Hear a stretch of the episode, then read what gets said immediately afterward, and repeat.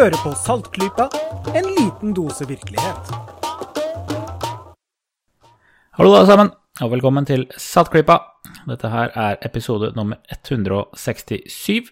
Og når vi tar opp dette her, så er det onsdag den 20, øh, 23. 23. mai. Eh, Det er en strålende dag ute, og vi sitter inne og lager podkast. For å gjøre det enda mer eh, kleint, så tenkte vi at i dag så skulle vi prate om alderdom. Og hva vil det si å bli gammel? Jeg snublet over en, eh, en artikkel som dukker opp i nyhetene en gang iblant, og det er hver gang verdens eldste person dør, så kommer jo et intervju og en profil av den neste verdens eldste person. For det må alltid være en verdens eldste person. Dette er da gjerne en person som er 110-115 år gammel, og har gjerne en eller annen morsom forklaring på hvorfor de har blitt så gamle. Hva er grunnen til at de lever så lenge? Litt sånn uh, statistikk kan, skal vi ta med dette her. Uh, men først så har jeg glemt å introdusere meg selv. Jeg heter Bendik, eh, og det var på tide at jeg sa det. Uh, og med meg i panelet i dag så har jeg med meg Lisha. Hallo, hallo. Og jeg har også med meg Marit. Hei, hei. Sånn, det var de kjedelige introduksjonene. Da kan vi bare hoppe rett tilbake på, på temaet. Eh, Jeg samla sammen eh, litt grann eh, statistikk, og ut av verdens befolkning, som for tiden er på 7,5 milliarder eller der omkring, eh, hvor mange personer vil dere anta at er 110 år eller eldre? Øh, jeg Altså, hvor mange i et antall? Ja, hvor mange i, i, i antall? Jeg har, jeg har et, eh, et ganske nøyaktig antall eh, her. Og ut av 7 milliarder, 7,5 milliarder. Over 110? Ja, 110 år eller Eh, over 110, da tror jeg det er sånn 25. 25, ja. Det er litt flere enn eh, enn det. 3000. 3000 dette. Og litt, og litt færre enn det. Sånn gjennomsnittlig så er det ca. 300 personer til enhver tid som er 110 år eller eldre. Til enhver tid er jo kanskje Så å ta det litt Er å si det litt sterkt, er det ikke det? Ettersom at Gjennomsnittlig til enhver tid. Jo, men også, I og med at levealderen har endret seg så drastisk de siste 100 årene, så vil det jo være veldig rart hvis du kan si det. Gjennomsnittlig i 2018, da. OK, ok, da er det greit. Da er jeg med. OK. Vi ruller videre. Takk. Eh, Så det, så det er egentlig en veldig sjelden hendelse at man eh, klarer å bli eh, 110 eller eldre. Og når man kommer over 100, så er det ca. 85% av de er kvinner. Og det blir mer og mer kvinner etter hvert som eh, alderen går. Eh, Over 100 personer som har blitt 110, personer, 110 år, er 90% kvinner. Og dette har vi egentlig ingen god forklaring på. Bortsett fra at menn dør i masse tåpelige ting, da. Ja, eh, det kan være en liten del av det. Men dør jo tidligere fordi vi dør av mange andre grunner, i tillegg til bare alderdom. Men av de som dør av alderdom, så lever kvinnen stort sett lenger også. Mm. Vi er vel eh, litt mindre utsatt for hjerte- og karsykdommer, og det er jo noe som eh, tar kverken på mange når man eh, kommer litt opp i åra. Det er én mulighet. Noen særlig god forklaring har vi ikke ennå, men det er mange sånne småhypoteser og muligens småfaktorer som det. Eh, All forskning eh, som har blitt gjort på dette her, tilsier at det er noe tilfeldigheter, eh, noe genetikk, men den genetikken er ikke helt verifiserbar riktig enda. Men man har en hypotese, eller genetikere og aldersforskere har et håp om at litt genetikk skal spille inn dette her. Ikke genetikken med stor G, men den medisinske genetikken. Litt sånn derre Hvor sunn er du i kroppen din eh, genetikk, liksom? Ja En fellesnevner er jo at man er relativt sunn og frisk. Mm. Det, det må man jo være. Altså, hvis man får lungebetennelse i en alder av 110, så overlever man ikke den.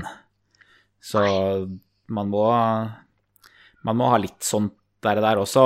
Ikke sant? Og selvsagt, hvis man eh, spiser hamburgere til frokost og middag hver dag, så, så er det jo en mindre sjanse, eller større sjanse for at du uh, dør av et hjerteinfarkt. Men eh, Kan jeg skyte inn et lite eksempel eh, her, bare for å tydeliggjøre litt grann hva det er vi snakker om med sånn betinget sannsynlighet og sånn? Og det er at uh, det. den norske professoren Svein Sjøberg, som ofte diskuterer PISA-prøvene i avisene Han er jo da egentlig en fysikkdidaktiker, naturfagsdidaktiker. Han fylte nettopp eh, 75 år, og da hadde han et lengre innlegg på Facebook-veggen sin som jeg tillater meg å sitere fra, selv om det bare ble delt med vennene hans.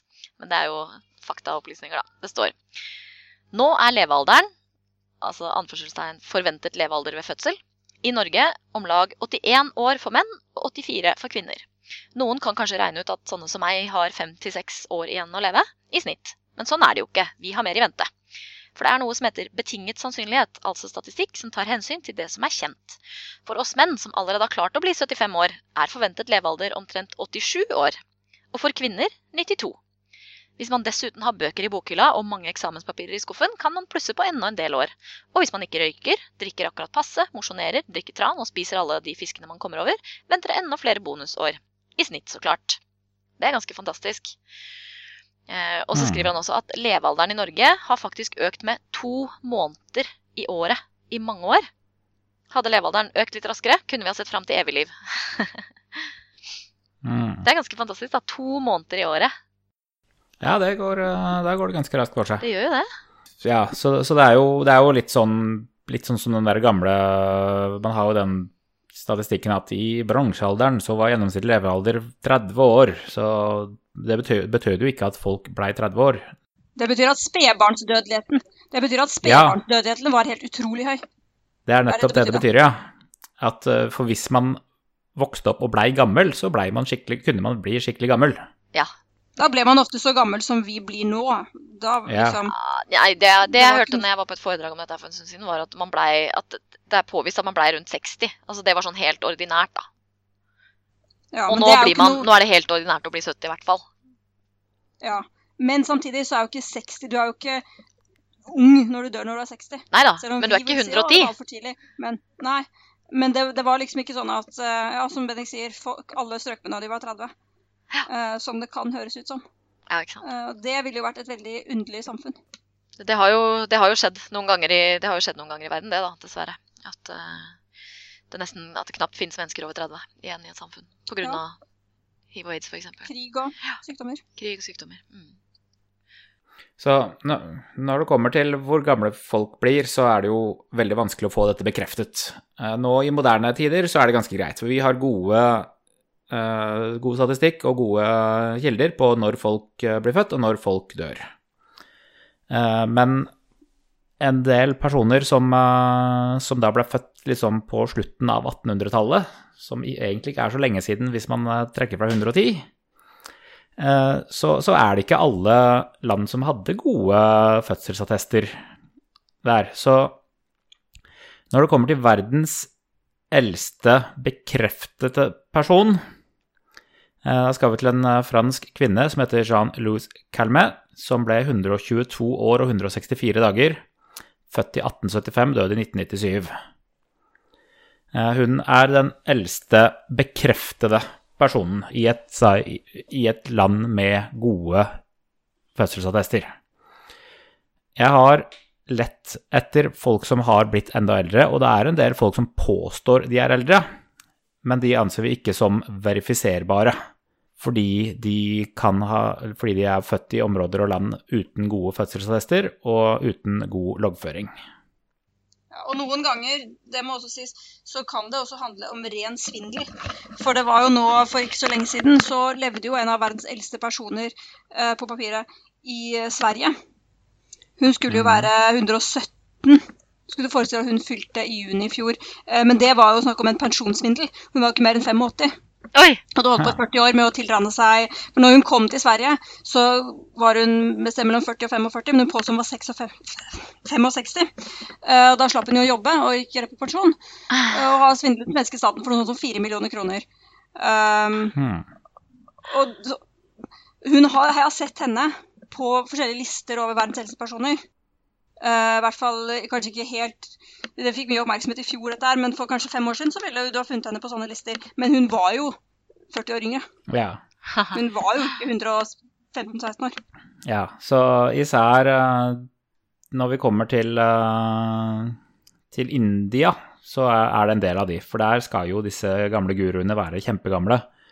Eh, Og det er liksom stor rang i å være gammel i, på den indiske halvøy. Eh, Så der eh, har jeg opplevd når jeg gikk gjennom og lette etter eh, gamle folk, at der var det en god del folk som skuet litt eldre enn hva gjennomsnittet og populasjonen skulle tilsi. Ja, og hvor man vel gjerne ser også, når man ser bilder av dem, at denne personen er ikke Ja. 120. Mm. Men det kan jo egentlig se det. Det er ikke så lett å se det på, på mennesker av andre genetiske disposisjoner enn seg selv. Altså, det er jo sånn eh, velkjent uh, greie at eh, folk har problemer med å bedømme hvor gamle andre mennesker er uh, hvis de ikke er av samme etniske opphav. Men det er ikke snakk om det, men det er snakk om du kan se et bilde av ti personer som, fra den etnisiteten som er 80, da. Og så ser du et bilde av en person som påstår han er 120. Og hvis Man skulle jo tro at han da ville se være litt mer rynkete enn de som beviselig er 80. Jo, men du kan ikke være sikker på det, ikke sant? Fordi Nei, kan selvfølgelig ikke være sikker. For det er jo sånn Det er Det sier jo seg selv. Det, det fins jo mennesker som er 25 som ser 50 ut, og motsatt. Ja, det fins noen statistiske avvik. Det fins det. Så du kan selvfølgelig ikke være sikker, det er jo det som er hele poenget. Ja. Eh, Men man kan eh, med god grunn tillate seg å tvile. Og særlig nå som Bendik sier, hvis det er status i det samfunnet de lever i, å oppnå en veldig høy alder. Eh, altså det kommer noen fordeler med det, så er det jo enda større grunn til å ta det med en klype salt. Mm. Jeg har da lyst til å vise dere to, gjøre et eh, et litt sånn dårlig uh, radiopodkast-triks, og så skal jeg sende dere to en, eh, en link i chatten vår her. Nei, han ser ikke 120 ut, han gjør ikke det. Han ser ikke 120 ut, nei. Nei, ikke sant. Han ser vel ut som han er 60. Ja, Han ser ut som han er 60-70 et sted, ja. Så nei, nøyaktig eh, alder, eh, alder er veldig vanskelig å, å påpeke, men her er det en 50 års forskjell på hva han eh, påstår og hva bildet ser ut som. Det veit jeg ikke om vi klarer å, å gi credit til bare et sunt livsstil, altså. Nei. Nei, for det er, jo, det er jo litt sånn mange ting her. ikke sant? Det er på en måte Hvor lenge kan et menneske leve? Og hva er det som er dødsårsakene som eh, knerter oss underveis? Eh, Det er jo litt ulike spørsmål. fordi hvis vi bare kunne leve så lenge som kroppen ville tillate, altså hvis vi bare gjorde det, så ville vi jo visst hvor gamle vi kunne bli. Men i og med at det alltid fins noe greier, eh, nettopp som du sa, da, hvis du er 120 og får lungebetennelse, så dør du.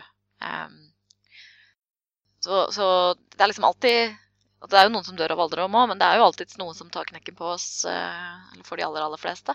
Ja, de fleste personer dør jo av noe, liksom ikke av, av alderdom. Nei, ikke sant? Og det Bare sånn som husbiologen, så sånn er det jo ikke for alle vesener. Em, der er det Eller de dør jo også av noe, men, men em, eh, det er jo mange dyr som later til å kunne leve for alltid.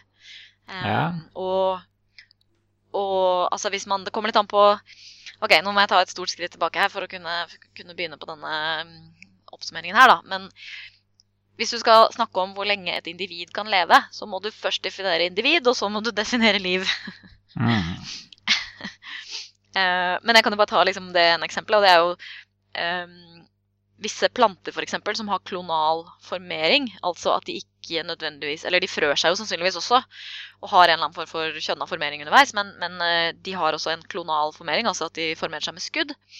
Ehm, da finnes det et rotsystem for en gruppe trær som alle har vist å være genetisk samme individ, som er liksom 80 000 år gammel. Mm. Det er helt vilt. Ja. Og så har du disse eksemplene som en eller annen art med glassmanet, tror jeg, som, eh, som jeg så på en av David Attenborough-dokumentar for lenge siden. Eh, hvor en, en glassmanet, når den liksom skulle dø av alderdom, så bare vrenger den seg selv, og så blir den til et egg, og så dropper det egget ned på havbunnen, og så vokser en ny glassmanet ut av den. Ja, det er egentlig, det er egentlig sånn sirkelaktig liv, ja. Hvor den, hvor den går tilbake på en måte til sin stamcelleform, Ja. for å si det sånn. Hvor den kan regenerere til da et, et fullt individ igjen. Mm. Så de sånn i prinsippet så lever de også evig. Ja. Selv om det er sånn absurd for et menneskesinn. Um, jeg ville egentlig si noe om menneskene og hvor lenge mennesker dør, lever og sånn også. Og det er jo at vi teller jo livene våre ehm, etter datoer.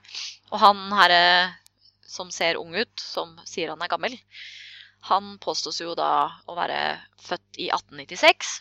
Og så det Mhm. betyr jo at hans liv vil ha gått over tre århundrer. Det er ganske festlig. Det er jo litt ekstra kult, da, selv om man ikke husker så veldig mye fra 1896, sikkert. Men jeg bare så her på listen over de 100 verifiserte eldste menneskene som har levd. Der har du jo som sagt hun Jean Calment på førsteplass. Og så bare så jeg tilfeldigvis noe som jeg fikk meg til å le, og det var hun som er på andreplass, Sarah Knaus. Hun er født i 1880, døde 30. desember 1999. Hmm. Ja, Kunne ikke holdt ut to dager til, seieren, eh, Begynt å ta den seieren litt på forskudd. Ja. Akk, akk.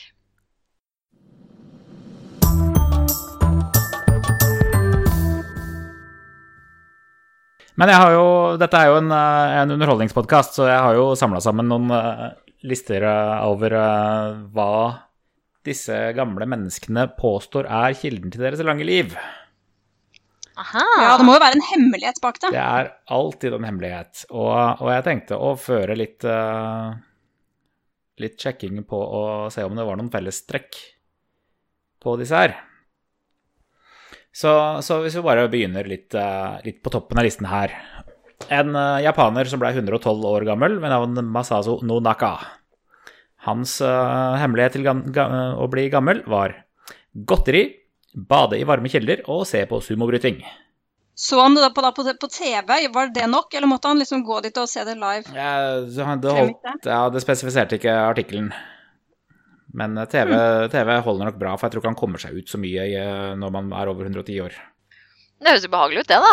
Ja, det er et godt liv, det. Kan, kan man velge sin egen og- nasjonalsport ja, det som underholdning?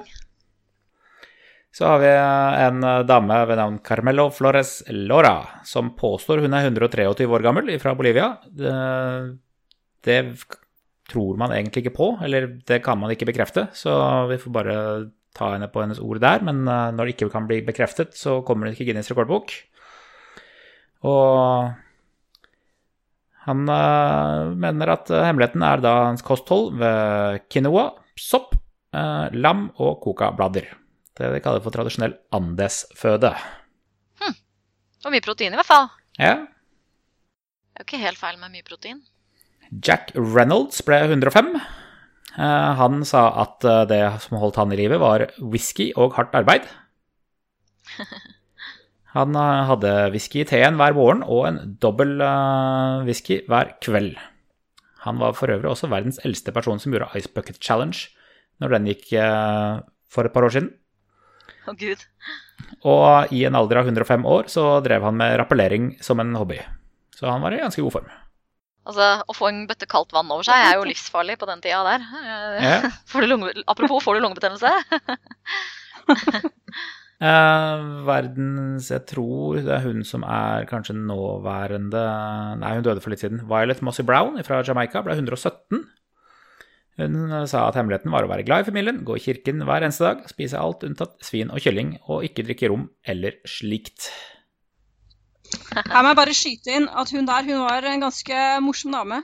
Hun fikk jo, når hun ble den eldste, når den forrige døde, så ble hun eldste. Da ble hun intervjuet av masse medier. Da husker jeg det var mange som spurte var det ikke vanskelig For hun var jo ganske svekka da, av alderen. Er det ikke vanskelig eh, liksom, å klare seg selv? Nei, det gikk ganske greit, men eh, sønnen hennes bodde sammen med henne, og han hjalp henne. da. Eh, Så det var fint, men det viste seg at han var jo 92 eller noe sånt. Ja. Så han var vel en viss hjelp, men Der har vi et argument for at gener har noe å si. Altså. Mm. Ja, absolutt. Men de var jo glad, glad i familien, og da ble de gamle. Mm. Så har vi eh, Emma Morano fra Italia, som ble 117. Hun døde nylig. Hun eh, spiste tre rå egg hver eneste dag. Når hun ble 115, så gikk hun ned til to. Eh, Går til sengs klokka syv om kvelden og står opp før klokka seks om morgenen hver dag. Og Og, natt likevel. Ja, og har vært singel siden 1938. Det er også en eh, god statistikk. Hun rakk å oppleve Tinder, da. Ja. Eh, Ethel Stevenson i eh, en alder av 103 i USA jobber hver dag for et seniorsenter. Så hun er eldre enn de fleste der, og jobber med å koordinere eldretransport. Det var veldig søtt. Koselig. Det er godt gjort. Det er jo, det er jo en fellesnevner som man aner blant alle disse. Nå har ikke du nødvendigvis sagt det hos alle, men eh, det som jo ofte dukker opp i sånne historier, er jo at de til en viss grad holder seg aktive. Han japaneren gjorde jo riktignok ikke det hvis han satt og så på sumobryting hele dagen, men kanskje han kom seg ut og liksom eh, så litt folk og sånn, da. Det virker jo som at det er Hun, eh, Emma Morano fra Italia hun sa hun ikke hadde vært ute av leiligheten sin på 20 år. Oi! Så, men uh, om det telles som, uh, kan telles som aktivitet eller ikke, det får være en annen sak. tre- Trente hun i leiligheten sin? Altså.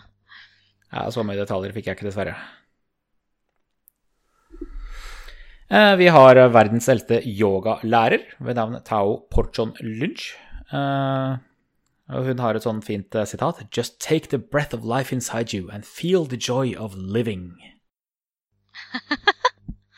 Ja da, ja da. Hun er da vegetarianer og tar et glass vin til hvert måltid, eh, og er aktiv på Instagram.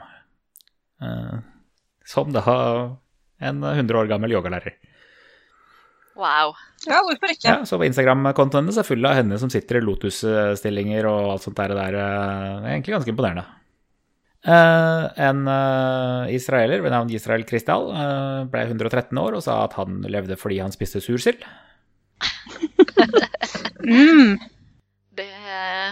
Sursild har vel tatt livet av en del folk også, det er ikke sikkert at det funker. Eh, så har vi et par eh, indere. Eh, Dharampal Singh Gudda. Eh, han ble visstnok 119 år, men vi vet ikke helt om vi tror på fødselsattesten hans. Men eh, han, eh, for han lever eh, fremdeles, tror jeg. Eh, unngå fett, sukker, koffein. Han drikker kumelk, spiser chutney og frukt. Likte og liker å løpe og jogge helt til han ble 119 år gammel. Og så har vi han som jeg viste dere bilde av i stad, Swami Sivananda. Han påstår selv han er 122 år gammel, men bildet hans ser ut som han har eh, 60-70, så eh, vi vet ikke helt hvor mye vi stoler på den. Eh, Passet hans sier 1896, så han har i hvert fall klart å lure en eller annen funksjonær i India i så fall.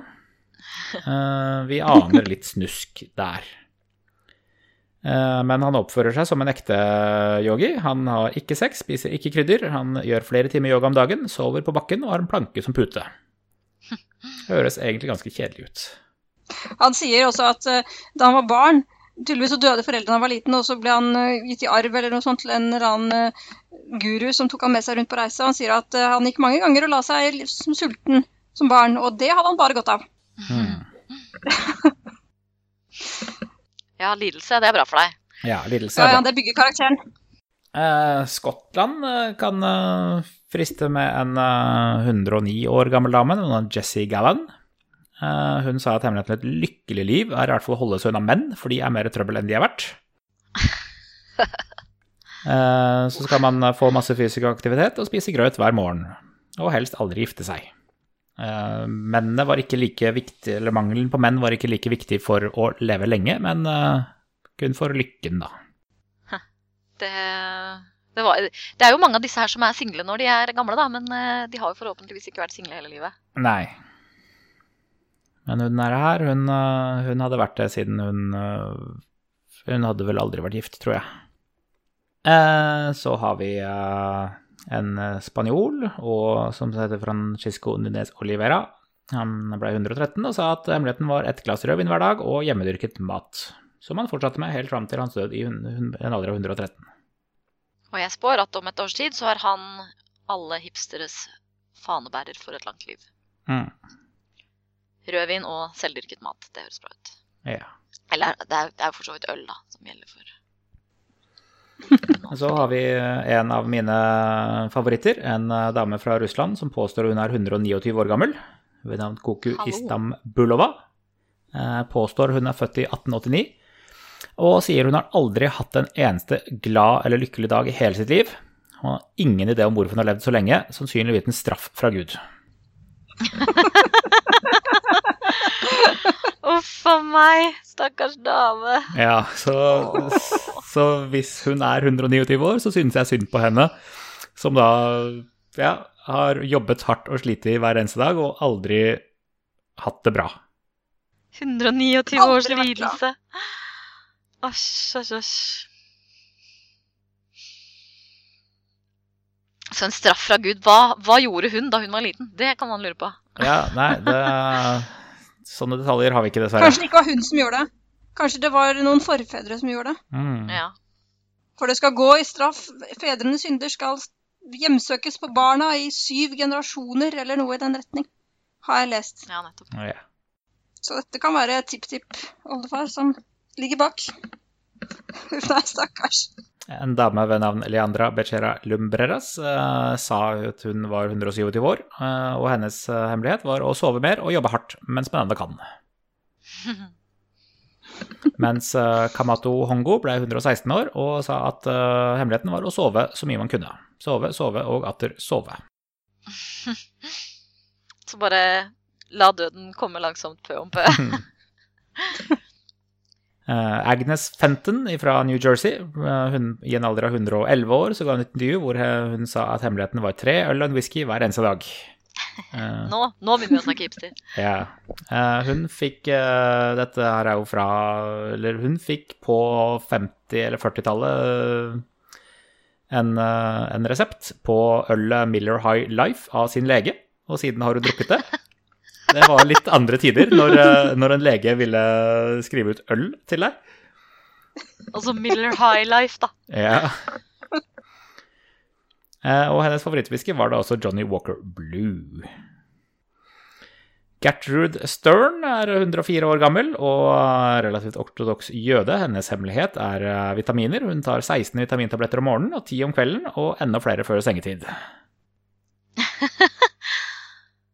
Det kan jo være farlig. Richard Overton, eh, han lever vel ennå, 110 år gammel. Han eh, røyker 12 sigarer om dagen og drikker fire whisky hver eneste morgen. Herregud. Mens eh, motsetningen, Dura Nord Veilard, også 110 år gammel, gjør minst fem pushups hver eneste morgen, selv i en alder av 110. Det vil jeg si du er ganske sprek eh, fremdeles. Ja, det Ja. Apropos det, har dere sett Ruth Bader Ginsburg, den eh, legendariske eh, Supreme Court-justicen i USA, eh, som er nå 82 år? Hun trener eh, en time hver dag for å holde seg levende. Og, og det er, ligger faktisk videoer ute på internett av hennes tre treningsopplegg. Og hun er jo en bitte, bitte liten dame. Eh, ja, hun er et knøtt. ja, hun er virkelig et knøtt, altså. Og hun eh, pusher og tar vekter, og det er ganske gøy å se. Det er kult. Så det er lurt. Eh, Adelina Dominguez ble 114 år, og hennes hemmelighet var aldri bruke makeup, aldri være selvopptatt. Så lever man lenge. Paul Marcus eh, ble 103 og sa 'spis hva du vil, så lenge du bare har gode gener'. Så basically, Ja. hvis du skal leve så lenge, så kommer du til å leve så lenge. Som snakker sånn. Yes. Teresa Rowley ble, eller er 104 og sier at eh, hun drikker veldig mye Cola Light, og det er det som holder henne i live. Det er en veldig god reklame for. Coca-Cola. Ja. Tror du hun blir rik av det der, eller? Eh, Dora Franklin er eh, brite, for tiden 100 år gammel, og hun gambler hver eneste dag. Eh, Spiller på hester hver eneste dag. Og tar et glass gin hver kveld. Det er ikke så mye penger hun gambler for, da, men hun sørger for å få, i seg, få med seg eh, et, minst et hesteløp hver eneste dag. Men da kan, det der tror jeg folk skal ha noe for seg. Ikke at du nødvendigvis trenger å gamble, men at du har noe du ser frem til, og noe du gleder deg til.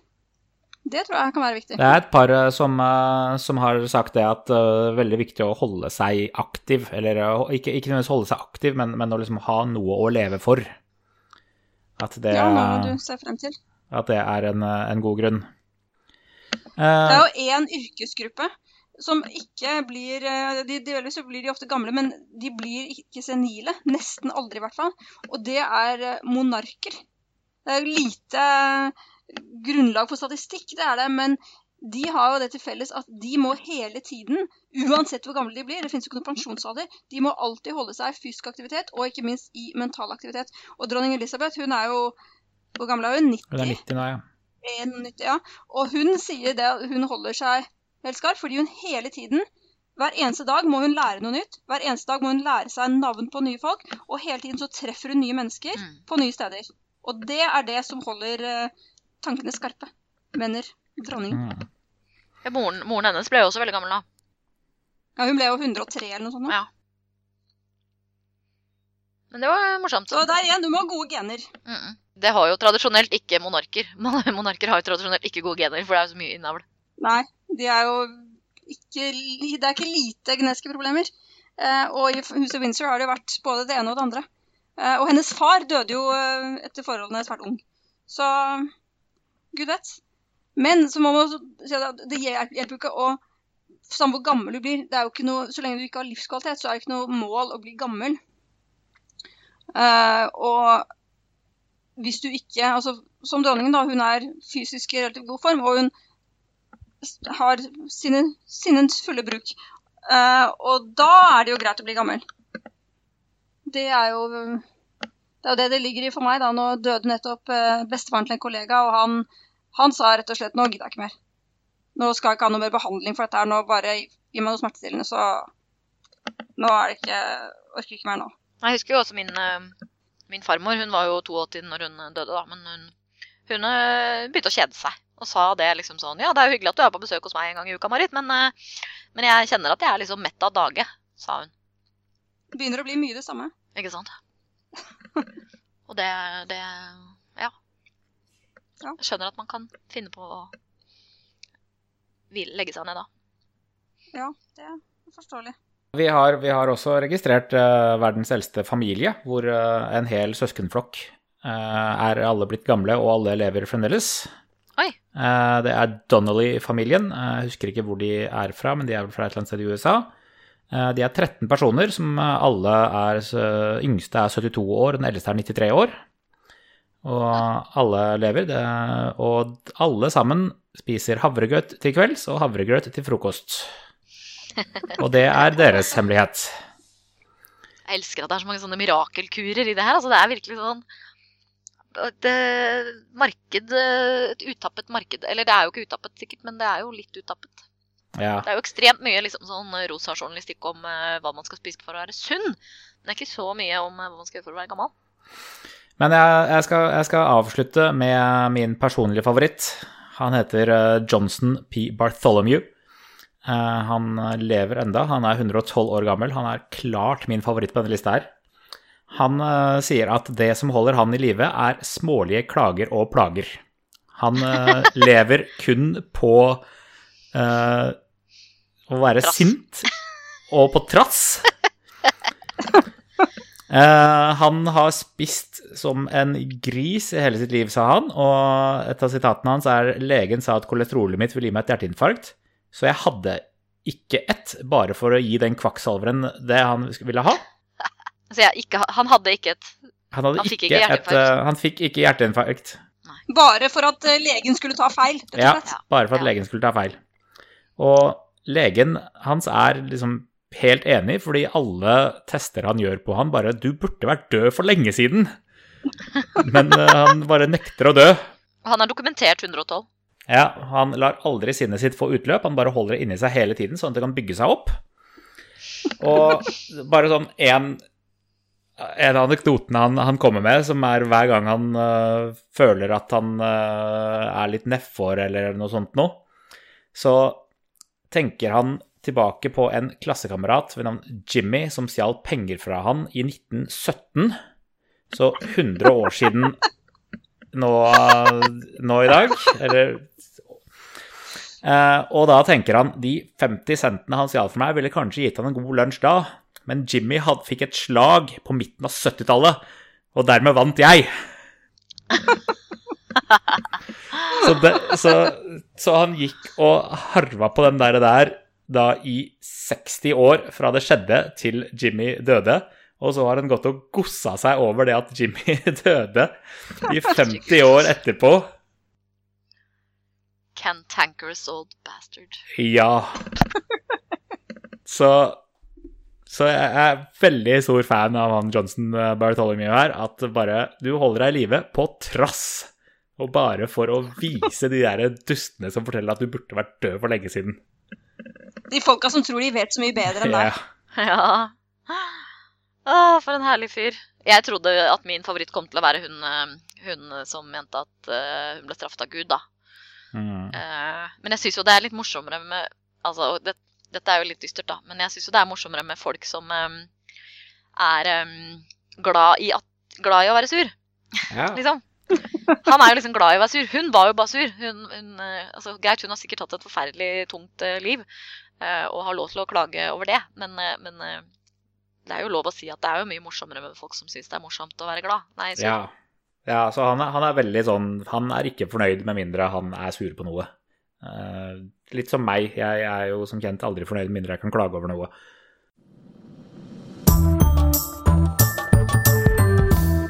Ok, nå har vi hørt en lang liste med folk som alle ble 100 eller 105 eller 110 år og eldre. Hvilke slutninger tror du vi kan trekke for dette her, da? Tja ehm, Eh, Hvis noen.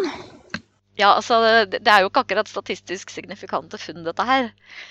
Eh, bare med de, den variasjonen, spredningen i hva de foreslår som eh, årsak for seg selv, så antydes det jo at det ikke finnes noe entydig svar. Eh, det er jo ikke akkurat sånn at det er på en måte bare folk fra én verdensdel, eller bare folk som eh, utelukkende spiser havregrøt, ikke sant. Det var liksom den ene familien der spiste havregrøt, og han ene spiste frukt, og den tredje spiste lam og sopp, liksom. Så, så det har verken åpenbart Det er ikke noe liksom én-til-én-forhold her. Det er ikke noe helt kausalt forhold mellom hva, hva man faktisk gjør i livet sitt, og, og hvor lenge man lever, da.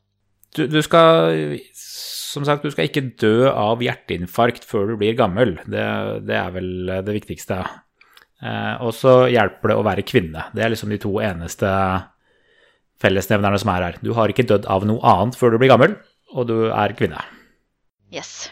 Men jeg vil jo påpeke én ting til, da. Og det er jo den ene slutningen vi kanskje kan trekke ut av dette her. For det er jo ingen av disse, bortsett kanskje fra hun russeren, henne skal jeg ikke si noe om, men det er jo ingen av disse som sitter og da f.eks. spiser havregrøt fordi de hater havregrøt, drikker fire whisky hver morgen fordi de hater whisky. Altså jeg tror det det er veldig stor grad er snakk om, er at de gjør det som de selv oppfører gir dem mening i tilværelsen, og ting de selv liker. Ja. Om det er å se på sumobryting, eller tippe på hester, eller uh, røyke sigarer og drikke whisky. Eller å være sur. Ja. Eh, ja, eller være sur. Uh, noen kan jo få veldig mye ut av det også. Eh, og hvis du trives altså, Du må selvfølgelig ha gode gener. Men så tror jeg det er viktig å finne ut noe som du trives med, noe som gir deg en grunn til å stå på om morgenen. Ja, det, jeg synes også det Og så kan det være utrolig mye forskjellige ting. Og så vil du gjerne legge skylda på det, eller takke det, da, for at eh, du blir så gammel. Og det høres jo fornuftig og rimelig ut, det der, men det er jo ikke nødvendigvis sant heller. Altså, vi kan ikke egentlig helt vite det. Um, men, men det vitenskapen jo har fortalt oss, det er jo at type og, Eller det er jo litt som det som jeg henviste til i stad. At hvis du klarer å bli ganske gammel, så klarer du ganske ofte å bli enda eldre. Liksom, jo eldre du blir, jo mer sannsynlig er det at du blir enda eldre. For å si det sånn. Sånn statistisk forventning. Det er jo en litt sånn festlig eh, liten logisk eh, nøtt. Um, men ellers så er det jo en del ting som er vist å øke levealder sånn til en viss grad. Én ting er kalorirestriksjon, hvor det har vært påvist i en del dyregrupper. Eh, at eh, hvis du spiser omtrent to tredjedeler av det man til vanlig ville trodd, så lever man ofte litt lenger. Um, og det andre er jo type fysisk aktivitet. Eh, når det gjelder bevaring av mentale fakulteter, f.eks. monarkene som, som Lisha nevnte, så er det jo nå masse forskning som tyder på at f.eks. det å være i fysisk aktivitet hjelper hjernen din med å regenerere seg. Det gjør jo også at du kan leve lenger. ikke sant? At du klarer å opprettholde eh, basale funksjoner fordi hjernen din fungerer. altså Du trenger jo mer av hjernen enn den biten du tenker med òg. Men også øker du sannsynligheten for å opprettholde mm, meningsfylte aktiviteter. Så det, det er jo liksom noen ting vi kan trekke slutninger om her, selv om ikke det nødvendigvis er eh, Eller jeg vil ikke trekke slutningene fra de menneskene, men det er jo noen ting vi kan vite om å bli skikkelig skikkelig Mm. Det er, det er det jo. Men samtidig så er jo dette her noe som aldri vil bli å si, vitenskapelig, egentlig. Fordi av 7,5 milliard så er det altså 300 personer i denne gruppa. Eh, og det er klart at det er så få at man vil aldri kunne egentlig komme til bunns i saken. da. Nei, det er jo en liten uteliggergruppe, så det er jo ikke nødvendigvis sånn Ja. at vi klarer å finne ut så veldig mye om de. Men vi kan jo også si litt grann om hva som gjør at folk dør i resten av livet. Eh, Det er jo litt trist og kan jo bli litt nært eh, og sånn, men eh, den, den definitivt største dødsårsaken i verden er jo liksom hjerte- og karsykdommer. Det er ikke sånn man tenker over da, før man kanskje plutselig har slektninger som er oppe i 70-åra, og oppdager at det er det folk dør av. Um, men um, Og der spiller jo kosthold mye inn. ja, der spiller kosthold og vekt og sånn mye inn, ja. Men så er det faktisk også infeksjonssykdommer. Men det er jo sikkert da uh, mange av de som dør som er ganske unge. Altså av unge mennesker som dør, så er nok infeksjonssykdommer høyere. Ja, når man blir såpass gammel, som f.eks. hun der som ikke hadde vært ute av leiligheten på 20 år, så er man jo ikke fullt så utsatt for ting som kan føre til infeksjoner. Heller. Det måtte jo være liggesår. Ja. Og jeg ser jo også at uh, maternal conditions, altså graviditetsrelaterte situasjoner og, og fødsel og sånn, ligger også faktisk ganske høyt på uh, Det ligger faktisk over eh, ernæringssvikt.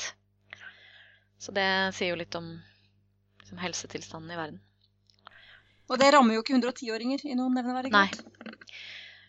Nei, det rammer jo bare kvinner i reproduktiv alder, og det er jo bare de omtrent 30 år av livet. Um, Så hvis man har eh, overlevd den biten, så apropos det, kan man, eh, kan man hakke av en, eh, en viktig dødsårsak fra lista. ja, ikke sant? Man slipper unna. Men apropos det, jeg tenkte um, Bendik har jo lagt fram eh, hva menneskene driver med. eh, Men jeg tenkte å snakke litt om hva resten av organismene vi deler planeten med, eh, gjør. Og hva, hva liksom biologien eh, tenker på når de snakker om aldring og død. For eh, biologer har jo liksom lurt på, litt sånn som vi lurer på hvorfor vi sover. Vi vet jo det sånn cirka, men ikke sånn bombesikkert. Så lurer vi også på hvorfor vi aldres. For hadde det ikke bare vært veldig kjekt å bare kunne leve for alltid?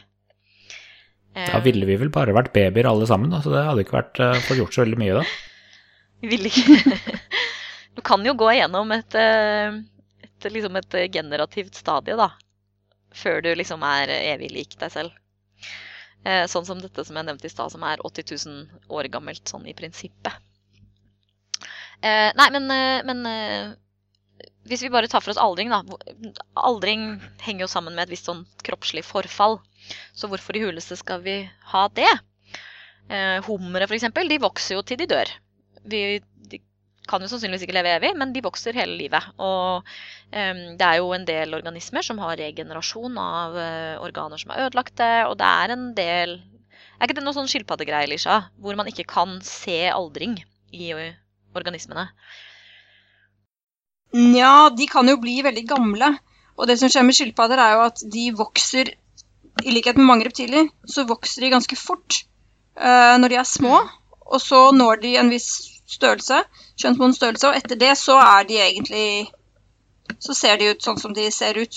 Uh, på noen så kan du telle eh, ringer i skallet på noen arter, uh, fordi hver sånn scoot, altså Skallet deres har jo forskjellige hva skal man si skall. Altså Carapax har eh, et mønster. ikke sant? Liksom, på noen arter så kan du få et begrep om hvor gammel den kan være ved å telle disse her, men eh, veldig ofte så, så Galapagos-skilpadde eksempel, så er den 40 år, 70 år, 100 år. Mm. Det må du grave litt for å finne ut, for å si det sånn, fordi de forandrer seg veldig lite når de først har nådd voksen størrelse. Mm. Nei, for altså Generelt så er det jo dyr Dyr har jo ekstremt varierende livslengder. Du har jo dyr som liksom lever i en dag, i noen insekter f.eks. Uh, og så har du dyr som skilpadder, papegøyer, elefanter Det er en del fisk som er meldt at kan leve veldig lenge. Altså alle de Ja, ikke sant. Eh, Men de, de som jeg nevnte nå, de blir jo stort sett sånn 60-80. Det er liksom helt greit. Og så er det noen fisk og f.eks. noen sånne eh, Nå har jeg så lyst til å si pinnsvin, men jeg mener kurvalla. Jeg har mistet et ord. Du mener Jeg mener kråkebolle? kråkebolle, selvfølgelig. jeg bare ser på de pinnene. Piggene. Um, ja, som er meldt at kunne bli 200, og håkjerringa er jo meldt at faktisk kan bli 300. Og det er jo lengst Altså det eldste eldste kjente levende vertebraten. Altså dyr med ryggrad. Så det er ganske imponerende. Man tenker jo liksom ikke så mye på at dyr dør av alderdom, annet enn de vi har i, eh, i bur hjemme hos oss. Fordi man, man tenker liksom at ja, dyr som lever i, i, ute i naturen, de blir spist, de. De, Ja. de dør ikke av alderdom, de. Det er jo litt sånn det er òg. Det er mange dyr som blir eldre i fangenskap enn de blir i naturen. Ja, det er helt vanlig. Så det um, Men dyr dør også, i hvert fall noen arter eh, dør ikke så sjelden av alderdom i det fri også. For Dere kjenner sikkert til dette konseptet med elefantkirkegårder. Mm. Hvor man eh, liksom tror at eh, de går til et bestemt sted for å dø, for da er de sammen med sine artsfrender, og så ligger det masse masse levninger av elefanter der. Men det handler ikke om at de, de går dit med vilje for å dø fordi det er et hellig sted i kulturen deres. Sånn, og Det handler om at elefanter har det er vel seks sett med tenner. De sliter ned ett sett, og så kommer det et nytt. det. Men når det sjette settet med tenner er utslitt, da kommer det ikke flere. Og da kan de bare spise mykere og mykere ut mat, og da går de til steder hvor det er mye fuktighet, sumper og myrlandskap. Sånn, for der veldig mye fuktighet, så er det myk vegetasjon. Og det er den maten de kan spise som til siste. Men til slutt, når de tennene virkelig er nedslitt, så får de ikke i seg mat. Uh, og det er på en måte den naturlige død da, for en elefant, at uh, den bare legger seg ned og dør, for nå er det Og da vil de gjøre det på, i samme type terreng. Og da vil det bli veldig mange elefantlik som samler seg der. Og derfor kan det, har man fått denne overtroen da, om elefantkirkegård. Ja. ja, ikke sant. Mhm. Jeg må jo bare synge den lille sangen som jeg lærte av eh, en kassett som jeg hørte veldig mye på i min barndom, og det er Det er flaut, det er flaut, det er flaut, flaut, flaut å bare kunne spise graut. Det syns nok elefanten også. Nå har jeg faktisk faktasjekka meg sjøl her. Eh, Håkjerringa, altså det er jo en um, um, storvokst hai som er veldig tøff og kul, og alle som har lest Havboka, har sikkert et intenst forhold til håkjerringer. Men eh, der er det altså eh, De har funnet et eh, krystallinsk protein i linsa til håkjerringa, som ikke endres over tid. Um, Altså i øyet? I øyet. øyet, ja. Det er øyet. Og da kan de analysere liksom karbonet som er i det krystallinske proteinet. Og kunne faktisk finne at mange av individene som de testa, var født før det ble starta med atomprøvesprengninger i atmosfæren. Og så tok de da en C Det er jo ikke så lenge, da, det er jo 50 år. Men så tok de C14-metode og sjekka ut, og da ga det estimert alder for de eldste håkjerringene på 392 år, med en usikkerhet på pluss-minus 120. Så det er sånn potensielt over 500, eller kanskje nede i eh, 280, da. Men det er fortsatt liksom 300 år. Det er ekstremt imponerende. Og en annen ting som jeg har funnet her, det er at eh, basert på, på ny informasjon om livslengden og vekstraten deres, så kan alder ved første kjønnsmodning være over 100 år. Før du er kjønnsmoden! Herregud. Da er det jo ikke rart om man er litt utrydningstrua. Og da kan man jo også snakke om eh, hva er det man egentlig legger i det å reprodusere seg? Liksom, hvor eh, krevende og intenst er det? For um, en annen eh, ting som er veldig viktig i, i biologien, da, det er jo liksom formering. ikke sant? Det er sånn OK, hvorfor aldres vi? Hvorfor blir cellene mine dårlige når jeg er gammel?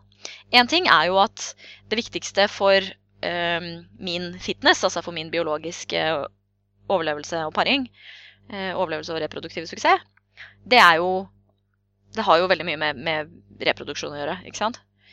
Og, og det, en av hypotesene til hvorfor vi har aldring, det er at etter hvert så kommer det mutasjoner i kroppen din. Sånn er det bare. For sånn er celler. Det er ikke perfekt reproduksjon av DNA-materialet ditt hele tiden. Og det er nye celledelinger. Du får ny hud hver uh, annenhver uke, og du får nytt hjerte hvert syvende år. ikke sant? Det er nye celler som lages hele tiden. Og da kommer det nye mutasjoner. Selvfølgelig er det et seleksjonspress. Det er et trykk for at disse mutasjonene ikke skal hope seg opp og bli til et problem. Men etter at du har reprodusert deg, så er jo det fortrinnet du får av at disse feilene blir reparert, stadig lavere. Ikke sant? Det blir mindre og mindre Ja. vits i å reparere de feilene. Fordi du har allerede fått unger. Og det er nok noe av grunnen til at vi begynner å svekkes over tid. Det er også en veldig Fornuftig. Så min plan om aldri å få barn, den gjør at jeg kommer til å leve evig. Dette funker veldig bra for meg. Ja, for det er faktisk eh, også sånn at det er et negativt forhold mellom å reprodusere seg tidlig og å leve lenge. Altså noe som betyr at de artene som har rask kjønnsmodning og rask reproduksjon, de lever også mye kortere. Um, Ja, ja, that makes sense. ikke Ja. sant? Er helt rimelig.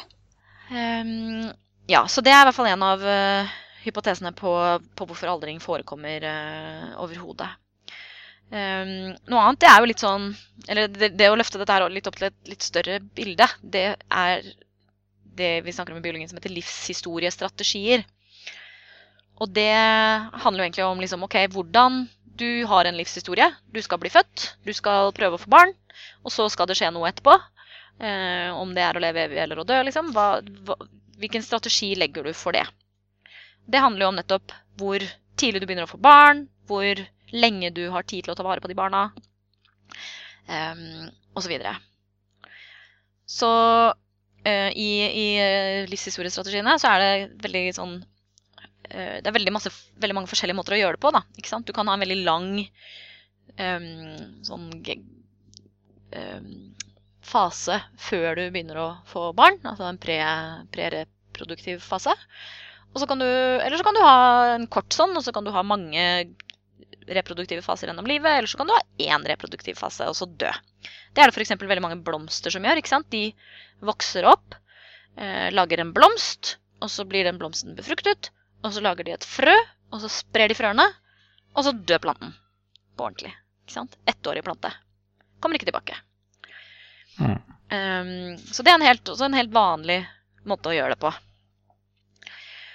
Og um, det er et annet aspekt i det der, hvordan man liksom tenker om, om eh, Eller hvilken strategi man velger for når man skal reprodusere seg. Og det er jo om liksom alle frøa dine har høy kvantitet. F.eks. Eh, de fleste steder i landet nå så er det veldig mye almefrø. Almefrøene er dekket av en sånn veldig flat frukt som eh, bærer frøene med vinden. Og det gjør at det nesten ser ut som at det er løv på gatene nå, selv om det er vår eh, sommertid. Um, og det er altså almene som produserer frø i så enorme mengder at du blir litt paff. Eh, og de almen legger jo ikke da så innmari mye innsats i hvert enkelt frø. Det er jo bare sånn her er, her er noe. Jeg lager tjalla mange av dere, og så sender jeg dere ut i verden, og så satser jeg på at et par av dere lander på et fruktbart sted. Eh, da er det lite investering i hver, hvert enkelt eh, avkom. Men ja, Men det er så mange avkom at uh, ikke sant? At det sannsynligvis går greit allikevel. Den andre måten å gjøre det på, det er jo ved å satse på kvalitet. Det er jo gjerne arter som har mye mer sånn parental investering, hvor foreldra passer på veldig lenge og sånne ting.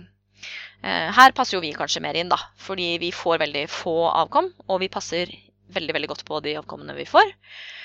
Ehm, og her kommer dette her med død inn igjen, da. Fordi de fleste arter så er det ikke noe særlig vits i å leve så veldig lenge etter at du har reprodusert deg. Ikke sant? Men mennesker, vi lever veldig lenge etter at vi har reprodusert oss. Vi kan jo få barnebarn, til og med oldebarn og tippoldebarn, noen av oss. Og hvorfor det, kan man lure på. Og en hypotese som handler om det, det er noe som heter bestemorhypotesen. Ehm, som egentlig betyr at ehm, man eh, mener at det å ha en bestemor som, dermed, som ikke er opptatt med sine egne barn, som ikke er opptatt av å gi masse næring eh, til eh, sine unger, hun øker overlevelsen til barnebarna sine såpass mye at det er verdt å beholde henne. ikke sant? Og det kan nok hende at det er sånn at det er litt mer verdt å ha en bestemor enn en bestefar. For hvis du tenker på de virkelig lange linjene og, og disse liksom store trendene da, med, med at uh, en kvinne kan alltid vite at et barn er sitt. Sånn at hvis en kvinne får en datter, så vet hun at den datterens barn også er genetisk sine egne. Mens en mann, sorry å si det, gutter, kan egentlig aldri være helt sikker på at eh, avkommet er eh, sitt eget. Fordi vi har intern befruktning, så du kan ikke se spermen møte egget. Så liksom hypotetisk sett så kan man jo pare seg med flere menn, og så, og så bare ja, Se hva som skjer. se hva som skjer, ja. Lure, lure flere fedre til å tro at de er eh, Eller flere karer til å tro at de er faren, da. Um, og det, det Altså Om dette er sterkt nok til å kunne påvirke at kvinner lever lenger enn menn som generell trend, det vet jeg ikke. Men det er i hvert fall noe som biologer har tenkt en del på, da. Så det er jo litt morsomt. Og hvis vi skal gå enda bitte lite grann større opp i verden, så kan vi jo returnere til det som jeg nevnte så vidt i innledningsvis. Det er at hvis vi skal snakke om hvor lenge individer kan leve, så må vi definere individ, og vi må definere liv. Um, for individer er jo ikke bare en sånn enkel greie som er lik hele tiden. Um, individer har jo ofte ulike utviklingsstadier. F.eks. insekter kan jo gå liksom gjennom både egg og larve og puppe og bli voksen i mago. Eh, vi, jo, vi jo, går gjennom et sånt blastula-stadie og liksom eh, er foster og, og, er baby og blir voksen. Eh, og det er jo også veldig mye variasjon i liksom, individenes kvalitet og kondisjon, og det kan jo også variere innad i livet. Så et skille som biologer noen ganger gjør, det er mellom modulare og unitære organismer. Fordi eh, de unitære organismene, sånn som mennesker, vi er også unitære organismer. Vi, har, eh, vi endrer oss veldig lite um, gjennom livet. Størrelsen endrer seg kanskje, men liksom grovt sett så er vår kroppsplan veldig lik gjennom hele livet. Vi har to armer, vi har to bein, vi har nese, øyne og et hode. Um, og vi veit liksom at vi kan dø, men løpet, hvordan kroppen vår endrer seg i løpet av livet, det er ganske tydelig. Det er liksom forberedt helt fra starten. Mens de modulare organismene, det er jo eh, organismer mer sånn som planter, hvor de bygger enheter som eh, produserer andre enheter. Og der, for de, så er jo liksom timingen og formen på det løpet som de gjennomgår, mye mer uforutsigbart. Det er mye mer varierende antall moduler de har. Og det er jo veldig avhengig av miljøet, hvordan de utvikler seg. Eh, og det er ofte arter som ikke kan flytte så veldig mye på seg. De er ofte immobile. Eh, det er jo Planter er typiske modulare arter, men det er også mange dyr som er av den sorten. da. Eh, F.eks. svamper og koraller og mosdyr. Og det som er litt gøy da, det er jo at um, for unitære vesener, altså for sånne som mennesker da, som har en liksom enhetlig kropp, så er det kjempetydelig når, når og at vi kommer til å dø. Mens hos de modulare så er det mye mer komplekst. Nettopp fordi de består av masse forskjellige noder, og de kan um, liksom kaste ut um, uh, Kaste ut liksom skudd og, og sånn, da. Som gjør at selv om en bit av individet dør, så vil kanskje en annen del overleve. Selv om en del av individet blir gammelt, så er det andre deler av det samme individet som er unge. Nettopp. Det er jo greia. Nettopp. Så der har du en kompleksitet da, i individet. For hvis du snakker om sånne individer, så, så er det jo vesener som blir betraktelig eldre enn det dyr klarer å bli. Da kan vi snakke liksom mange tusen år. Det er jo veldig kjent at det er en del trær som blir opptil 5000 år. Det er en sånn stakkars uh, historie om en, uh, en verdenskjent historie om en uh, student på 60-tallet eller noe sånt nå, som var ute for å bare I 1964. Han skulle um, Han skulle hente et eller annet. Han skulle Ja, han fikk satt fast Han skulle ta ut en trekjerne, og så satte han fast i treet. Og så da, da kappa de ned treet, da, og da viste det seg at treet var over 5000 år gammelt. Herregud. Ja, og det visste de jo ikke da. Eh, men, eh, men nå vet de jo at sånne trær kan bli så gamle, da. Ja, jeg nevnte jo også at eh, vi må vite hva et individ er, og vi må vite hva liv er. Og jeg kan jo også si at det å vite hva liv er, er jo ikke bare, bare det heller. Fordi virus, f.eks., de reproduserer seg jo i andre celler. Og de har ikke noe selvstendig måte å formere seg på, så de pleier jo ikke å bli regna som liv. Men hvis du skulle være av den, av den sorten som, som kaller det for liv, så eh, må det jo på en måte være hvor mye de har endra seg, som avgjør om de er i et liv eller ikke, da. Så de kan jo også potensielt bli veldig gamle, for de finnes jo også bevart uendra over store, store lengder tid. Og en annen ting er jo liksom frø og egg og sånn, men spesielt frø da, som kan ligge f.eks. i jorda i titusener av år før de spirer. Er de liksom levende da, hvis de ligger i en sånn hvilestadie? Teller det som levende? For i så fall så kan de knuse helt andre typer rekorder. Ja, nei, men det høres bra ut. Jeg foreslår vi wrapper opp der ja, før våre lyttere blir gamle. Ha-ha. Men da må jeg få lov til å fortelle denne en av de få morsomme vitsene jeg kan, Bendik, som passer perfekt i den sammenhengen. Mm. Om ikke å tilgi deg hvis jeg ikke fortelle den. Denne vitsen handler nemlig om en mann som fyller 100 år. Og da kommer det en fyr fra lokalavisa i Jämtland for å gjøre et intervju. Og han stiller jo de, selvfølgelig de vanlige spørsmålene om hva husker du best fra livet, store milepæler han har opplevd. Og selvfølgelig så spør han om hvordan har du blitt så gammel? 100 år er jo en meget høy alder. Hvordan eh, var det gjort for å oppnå dette? Og gubben han sier at jo, det vet han veldig godt. Det er fordi han aldri smaker sprit. Han holder seg helt borte fra alkoholen, og det er det som har gjort at han har klart å bli så gammel som han er. Og journalisten han eh, noterer flittig dette, men mens han skriver, så hører han fra etasjen over at det er noe ramling og skramling. Det høres ut som møbler blir velta, og, og han blir bekymra. Han spør hva er det som skjer oppe, er, det, er alt i orden? Ja ja, sier jubilanten. Ikke noe å bry deg om det der. Det er bare far min, han blir så gæren i fylla.